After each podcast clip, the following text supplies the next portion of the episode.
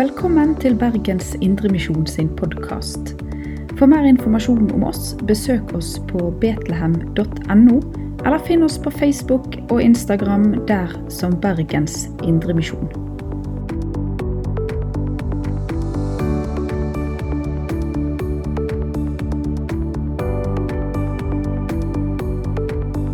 God søndag formiddag, eh, både til dere som er her, og til dere som er i de tusen hjem. Um,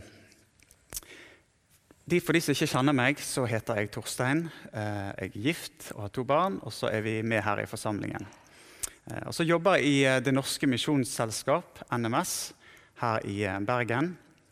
Eh, jobber i, da, på regionkontoret med ansvar for å følge opp frivillige og menigheter som vi har misjonsavtaler med, i da, Bjørgvin bispedømme i hele Vestland fylke.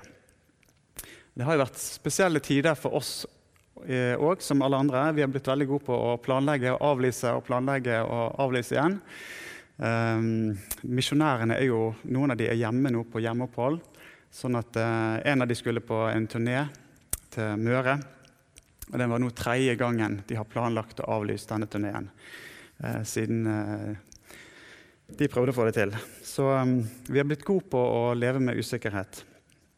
Men så tror jeg det er så viktig at i den situasjonen vi er i nå, um, så kan vi få lov til å fokusere på det som gir håp. Um, og det skal vi gjøre nå. Vi skal få lov til å fokusere på, på Jesus og, og, det som han kom for å gi oss. Uh, da ber vi en liten bønn sammen. Kjære Jesus, takk for at du er her nå. Takk for at du har noe du vil si til oss. Takk for at du har noe du vil gi oss. Takk for at du kom for å gi oss håp. Du kom for å gi oss et evig liv sammen med Gud, som eh, går ut over eh, alt som denne verden har å tilby, og som eh, en gang skal komme igjen og ordne opp i alt som har gått galt. Jeg ber deg for denne stunden vi skal ha sammen. Må du komme og være oss nær. Må du komme og fylle meg og oss alle som er her, og alle som ser på, med din ånd. Amen. Vi kan gjerne bli litt irritert hvis eh, handelsstanden drar i gang juleforberedelsene altfor tidlig. Eh, jeg hadde i hvert fall blitt irritert hvis de hadde begynt før påske. Um, men det var en som var godt i gang med juleforberedelsene på denne dagen her for rundt 2000 år siden. Og det var Gud. Hvis vi da tenker at Jesus ble født den 25. Eh, desember, da. For denne dagen er det omtrent akkurat ni måneder til jul. Et svangerskap før julaften, med andre ord. Så det er ikke tilfeldig at Maria budskapsdag er satt til akkurat denne søndagen i kirkeåret. Det som skjer denne dagen og videre med Maria, det skal forandre livet hennes for alltid. Sammenhengen som teksten står i, det er at engel Gabriel har blitt sendt fra Gud til Maria med budskapet om at hun har funnet nåde hos Gud. Hun skal bli gravid og få en sønn som skal kalle Jesus. Han skal være stor skal kalles Guds sønn. Og Maria hun stiller da et veldig logisk spørsmål. Hvordan skal dette kunne skje? Jeg har ikke vært sammen med noen mann. Med andre ord hun var jomfru. Og Da svarer engel det at Den hellige ånds kraft skal overskygge deg. Den hellige ånd skal komme over deg, og den høyestes kraft skal overskygge deg. Barnet som blir født, skal være hellig og kalles Guds sønn. Og Så forteller engelen at eh, Elisabeth, slektningen hennes, hun har òg venta barn på sine gamle dager, for ingenting er umulig for Gud. Dette barnet her, det blir da Johannes døperen. Og så sier Maria, Se, jeg er Herrens tjenestekvinne. La det skje med meg som du har sagt. Og Noen dager seinere, og nå er vi inne i det som er teksten vår i dag, så reiser Maria opp i fjellbygdene i Juda, der Elisabeth bodde, for å besøke henne. Hun går inn til Elisabeth, og så sier hun Eh, så hilser han på henne, og så sier Elisabeth hun ble fylt med Den hellige ånd. Og så roper hun høyt. Velsignet er du blant kvinner, og velsignet er frukten i ditt mors liv. Men hvordan kan det skje at min Herres mor kommer til meg? For da lyden av din hilsen nådde øret mitt, sparket barnet i magen min av fryd. Og salig er hun som trodde, for det som Herren har sagt henne, skal gå i oppfyllelse. Og Da har vi kommet til teksten vår i dag, som er i Lukas 1, 46-45. og vi leser den sammen i Jesu navn. Da sa Maria, min sjel opphøyer Herren, og min ånd fryder seg i Gud, min frelser. For han har sett til sin tjenestekvinne i hennes fattigdom. Og se, fra nå av skal alle slekter prise meg salig. For store ting har han gjort mot meg. Han den mektige. Hellig er hans navn. Fra slekt til slekt varer hans miskunn over dem som frykter ham. Han gjorde storverk med sin sterke arm. Han spredte dem som bar hovmodstanker i hjertet.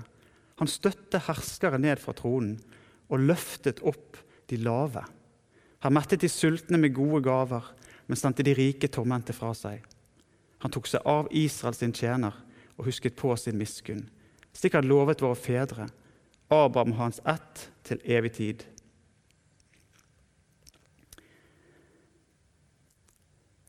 Noe av det som slår meg med Marias lovsang her, det er hvor godt Maria kjenner bibelhistorien. Det er sånn at det nærmest bobler over av bibelsitater og henvisninger fra det som var israelsfolket sin bibel på den tiden, nemlig Gamle testamentet. Og Dette kan vi forklare på to måter. kanskje. Eh, enten så kan vi tenke oss det at eh, Den hellige ånd kom over Maria på sånn måte at hun på en måte bare eh, sa fram et budskap som hun bare ikke hadde noe forhold til, egentlig, men bare liksom var et slags medium for Gud. Eller så er alternativet at Maria hun kjente Skriftene i Gamle Testamentet så godt at når hun da ble møtt med budskapet fra engelen og fra Elisabeth, så er dette Marias hjerterespons tilbake. Og jeg tror at det, det siste er tilfellet. Ja, jeg tror hun var absolutt inspirert av Den hellige ånd her. Men jeg tror det er Marias hjerte som renner over, som vi ser i denne teksten.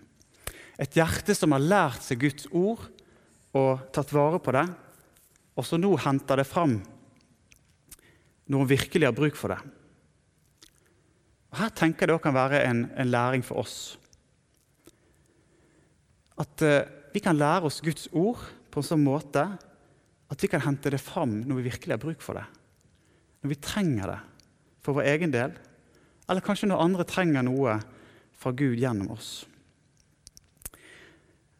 Marias lovsang, eh, eller magnifikat som den nå kalles, er på en måte en slags gjenklang av Salmenes bok og av lovsangene til flere andre kvinner i, i Gamle testamentet. Du har f.eks. Eh, Miriam etter at israelsfolket hadde krysset Rødehavet. Eh, Deboras lovsang når Israel hadde vunnet en viktig seier. Og ikke minst Hanna, som da var barnløs, eh, men så ble hun gravid med Samuel etter å ha vært lenge barnløs, og så, så takker hun Gud. Eh, og Den vil jeg anbefale dere å lese, for den er veldig, veldig mange likhetstrekk der. Og jeg tror at En god forklaring på disse likhetstrekkene det handler om at Maria var vant til å gå i synagogen.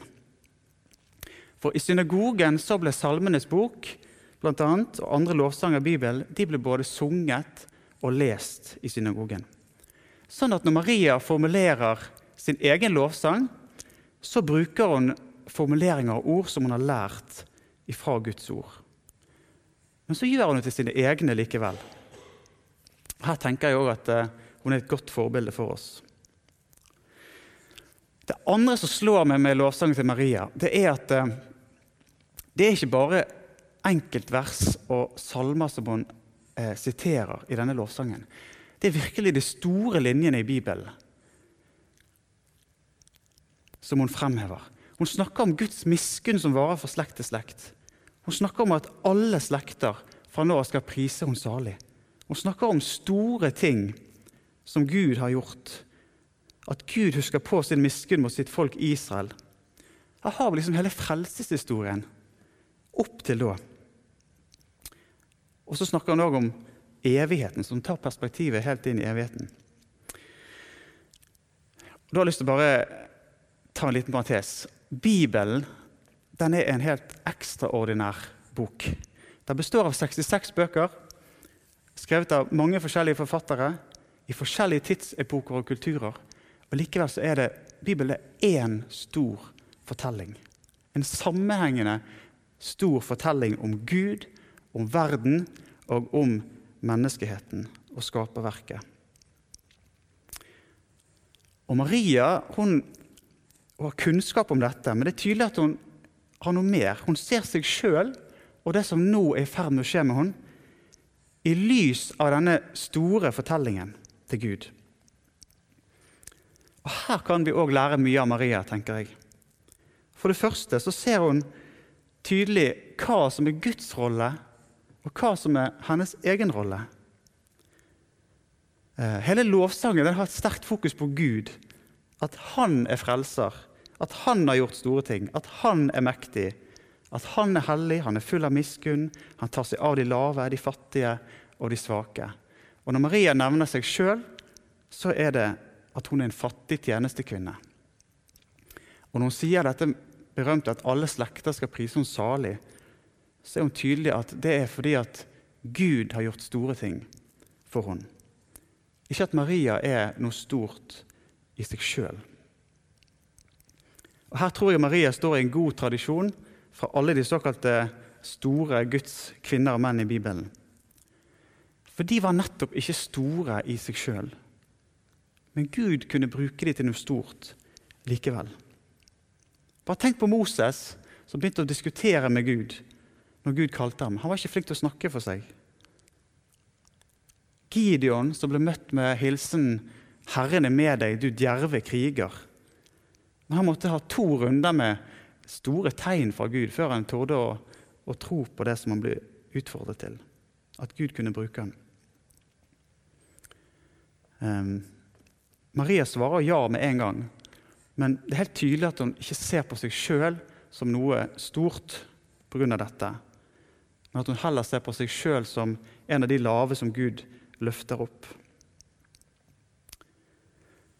Um, hvor mye skjønte egentlig Maria av det som Gud hadde utvalgt henne til? Altså fortsettelsen av denne store fortellingen. Det er ikke så godt å si, men vi kan jo kanskje tenke oss at med denne hilsenen til engelen så tenkte kanskje Maria at hm, er det Messias som jeg nå skal føde frem? Eh, Gamle testamentet er jo full av profetier om Messias.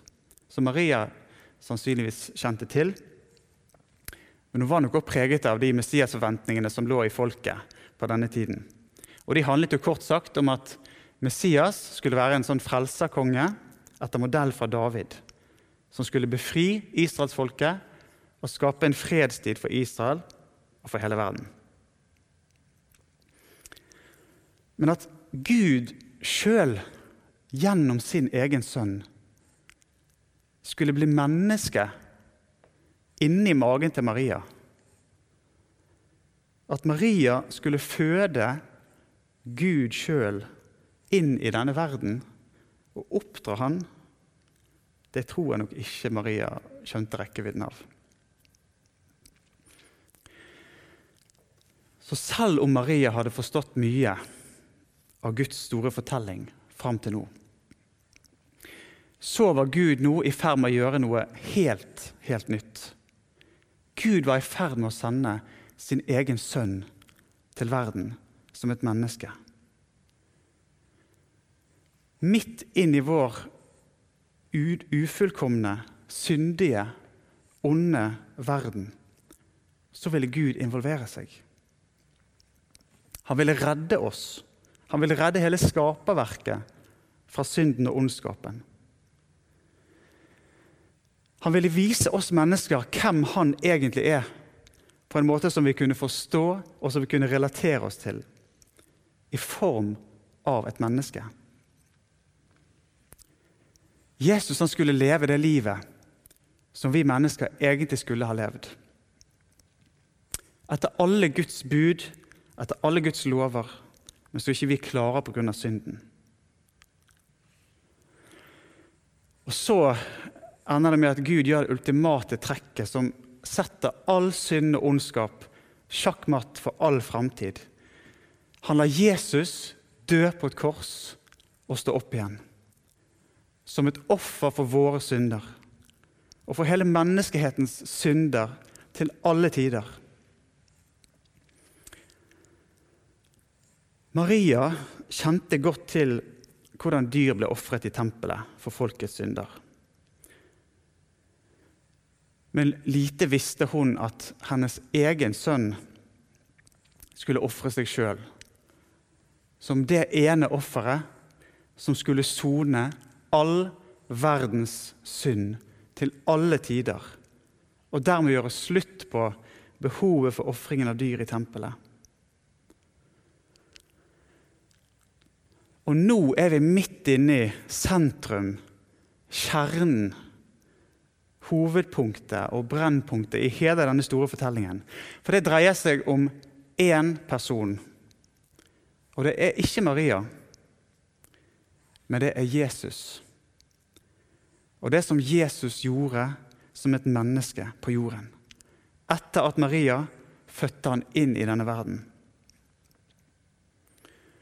Luther han sier det sånn at Jesus han er Skriftens kjerne og stjerne. Det er Jesus og det som Jesus gjorde, som gir mening til resten av den store fortellingen. Både det som hadde skjedd før han, og det som kommer etter. Helt inn i evigheten. Men da er jo på en måte neste spørsmål Hva med oss? Hvor kommer vi inn i bildet i denne store fortellingen? Har vi en rolle i denne fortellingen? Eller er det bare noe vi leser om i en bok, noe som har skjedd for lenge siden?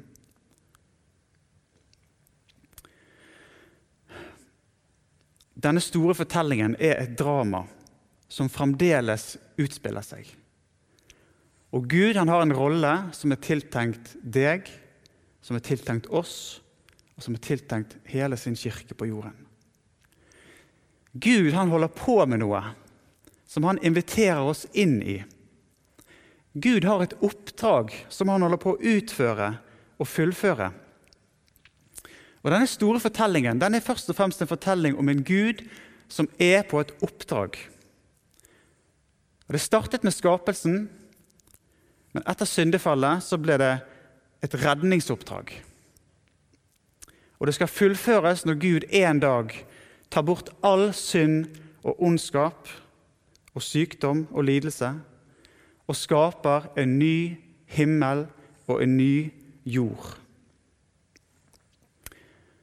Vi kan kalle dette oppdraget for Guds misjon. Og dette oppdraget inviterer han deg og meg inn i. Og Vår plass i dette oppdraget, denne store fortellingen, det handler om to ting. For det første så er det en gave til oss. Gud sendte Jesus til jorden for å frelse oss fra våre synder og gjenopprette relasjonen mellom oss og Gud. I Feserbrevet kapittel 2 så sier Paulus at før Jesus kom, så var vi uten håp og uten Gud i verden. Det er sterke ord. Vi hadde ikke mulighet til å ha med Gud å gjøre pga. synden som skilte mellom oss og Gud. Men nå, i Kristus Jesus, er dere som var langt borte, kommet nær pga. Kristi blod, står det videre i det samme brevet. Maria hun fødte verdens frelser for at alle mennesker skulle få mulighet til å ha med Gud å gjøre. At alle mennesker skulle få lov til å få oppleve hans kjærlighet, hans nåde, hans tilgivelse. For at vi skulle få leve evig sammen med han. For av nåde er dere frelst ved tro. Det er ikke deres eget verk, men Guds gave, står det i Fesane 2,6. Men andre, den andre eh, rollen i, vår, i, eh, i, dette oppdraget som vi har fått, det handler om en oppgave. For den gaven som vi har fått, den skal vi få lov til å gi videre. Det handler om å dele budskapet om Guds kjærlighet til Jesus, både med våre ord, men òg med våre handlinger. Altså diakoni, som vi ofte kaller det. Godhet. Og Vi skal dele det til nye slekter, som Maria snakker om, til barna, til de unge, til de som er rundt oss, naboer, familie, kollegaer, til byen vår, til landet vårt. Og så står det at vi skal dele dette budskapet videre til alle folkeslag, står det i misjonsbefalingen i Matteus. Det som er godt å vite, det er at selv i denne oppgaven så er ikke det vi som skal gjøre jobben alene. Misjonsbefalingen i Matteus den starter med dette, at Jesus sier 'Meg er gitt all makt i himmelen og på jorden'. Gå derfor og gjør alle folkeslag til disipler. Utgangspunktet for misjonsbefalingen er at Gud har gjort noe.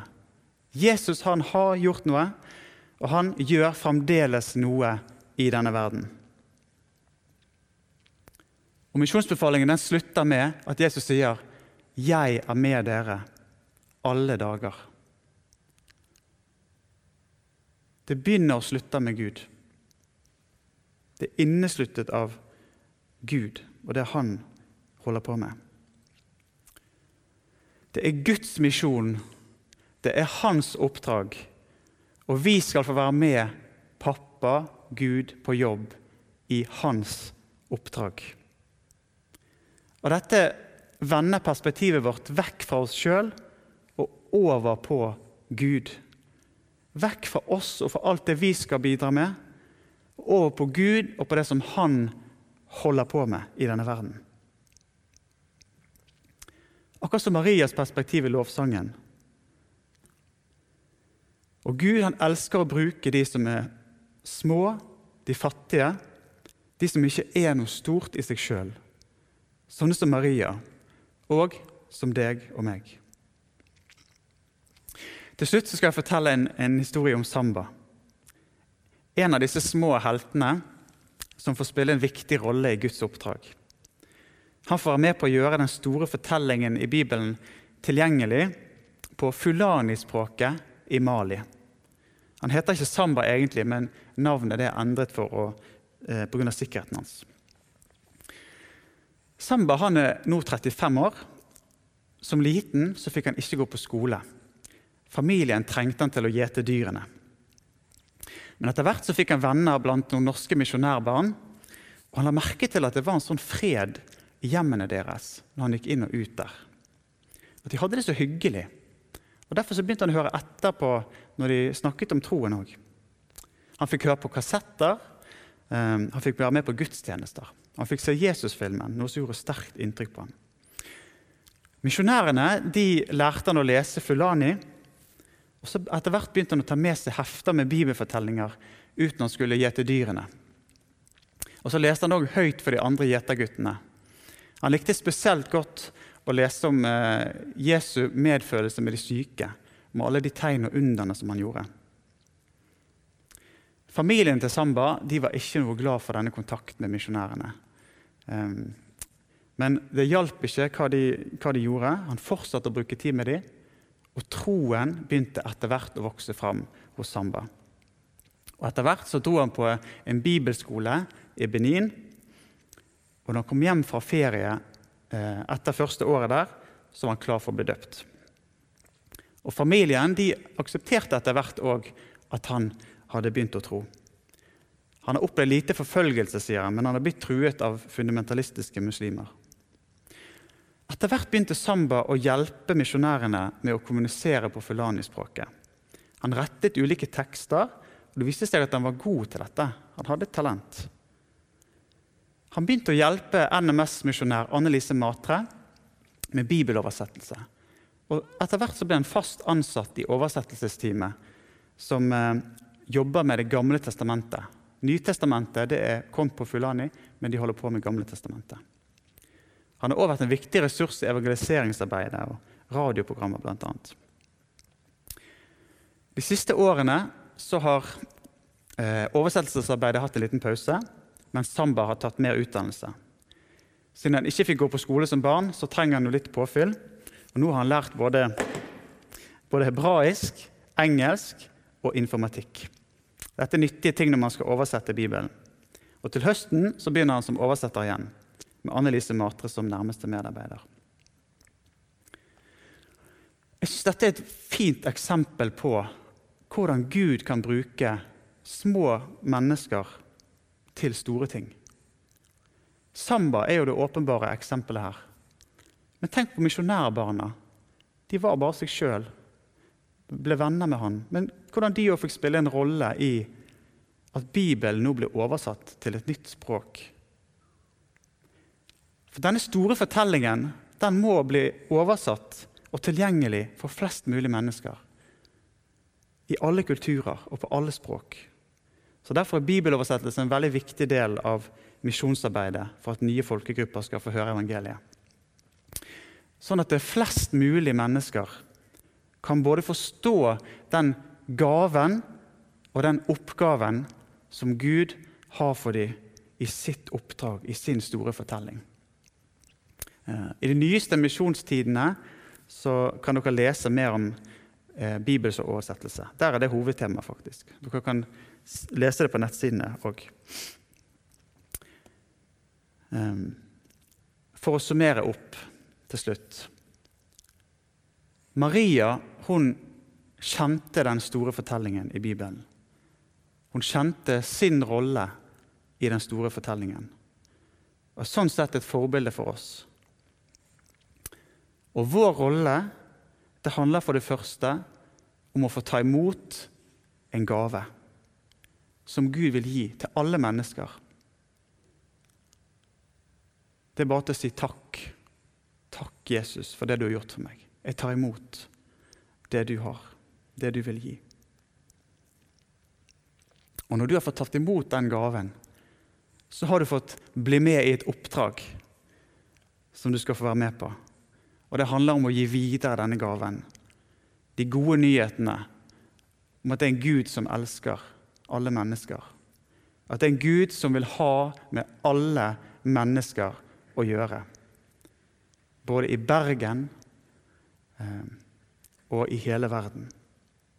Og så er alle nødt til å si ja eller nei til det. Men alle mennesker må få en mulighet til å få høre om det som Jesus har gjort. Kjære Jesus.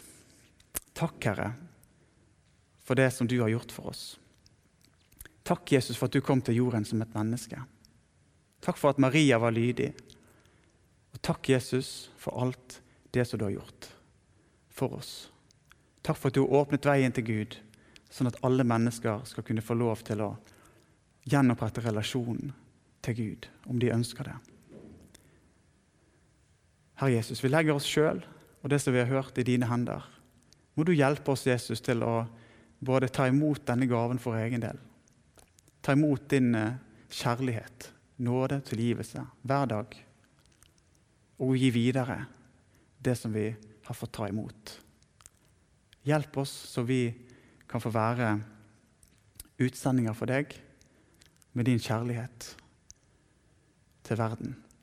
Både her, i Bergen, i Norge og òg til jordens ender. At de kan få være med og be for og støtte arbeidet òg til, til å nå alle folkeslag med evangeliet. Amen. Du har lytta til Bergens Indremisjon sin podkast. For mer informasjon om oss, besøk oss på betlehem.no, eller finn oss på Facebook og Instagram der som Bergens Indremisjon.